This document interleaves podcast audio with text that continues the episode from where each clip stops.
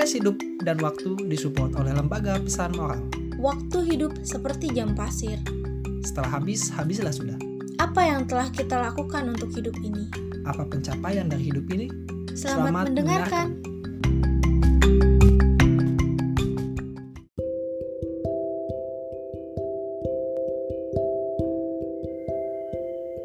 Kebahagiaan memang sangat dicari masyarakat khususnya generasi milenial. Romantisme, kesenangan duniawi, kekayaan, gengsi, dan kemajuan milenial ingin ditarik pada pembatas suci antara jurang kekejaman dunia dan kebahagiaan dunia. Pembatas suci ini adalah kampus yang dianggap milenial sebagai sekolah yang lebih bebas, yang bebas menggunakan pakaian apa saja dan bebas melakukan apa saja. Romantisme yang disebutkan tadi tampaknya ingin dibawa oleh milenial sebagai tameng dan alasan untuk tetap menjadi manusia yang bahagia dalam tanda kutip. Generasi milenial selalu terikat dengan sebuah pencarian kebahagiaan dan kuantitas yang mana jika kuantitas kita selalu mengidolakan IPK besar di kuliah apa pun caranya. Menyontek kontrol C kontrol F kontrol V joki tugas ya dan masih banyak hal lainnya. Otak kita penuh dengan angka-angka yang sekarang sudah tidak lagi merepresentasikan sebuah kualitas. Kita harus mencari sebuah dasar dari makna segala hal. Namun pada akhirnya ya terjadi sebuah inflasi besar-besaran pada generasi milenial Nah, kita selalu mendengar kata-kata self healing, moody, self reward, workers balance yang mana memang ini adalah kata kebaikan.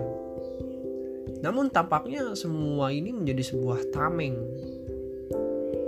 untuk milenial agar bisa lebih menikmati kebahagiaan sesaat. Tugas dari dosen sulit, stres. Dan pada akhirnya milenial berkata, "Huh, butuh self healing dan diri aku harus dikasih reward. Namun apakah memang harus membutuhkan itu? Kita uh, ketika kita berada dalam ujung jurang di depan kita, apakah kita masih membutuhkan semua itu?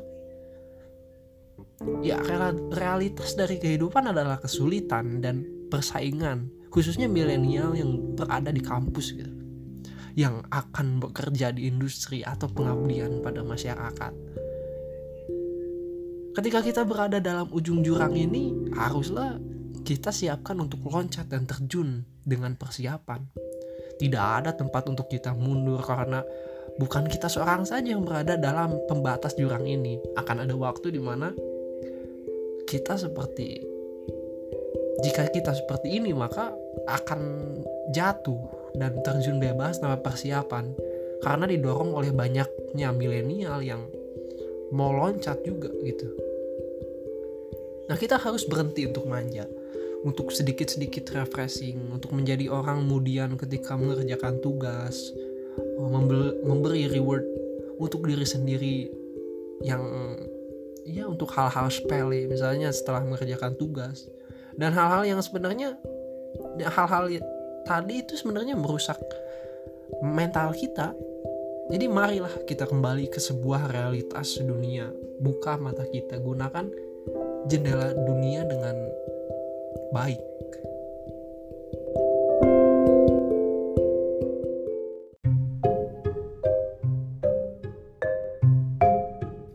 Hai, terima kasih telah mendengarkan. Jika kamu merasa podcast ini bermanfaat, silahkan sebarkan kembali. Mari manfaatkan hidup dan waktu.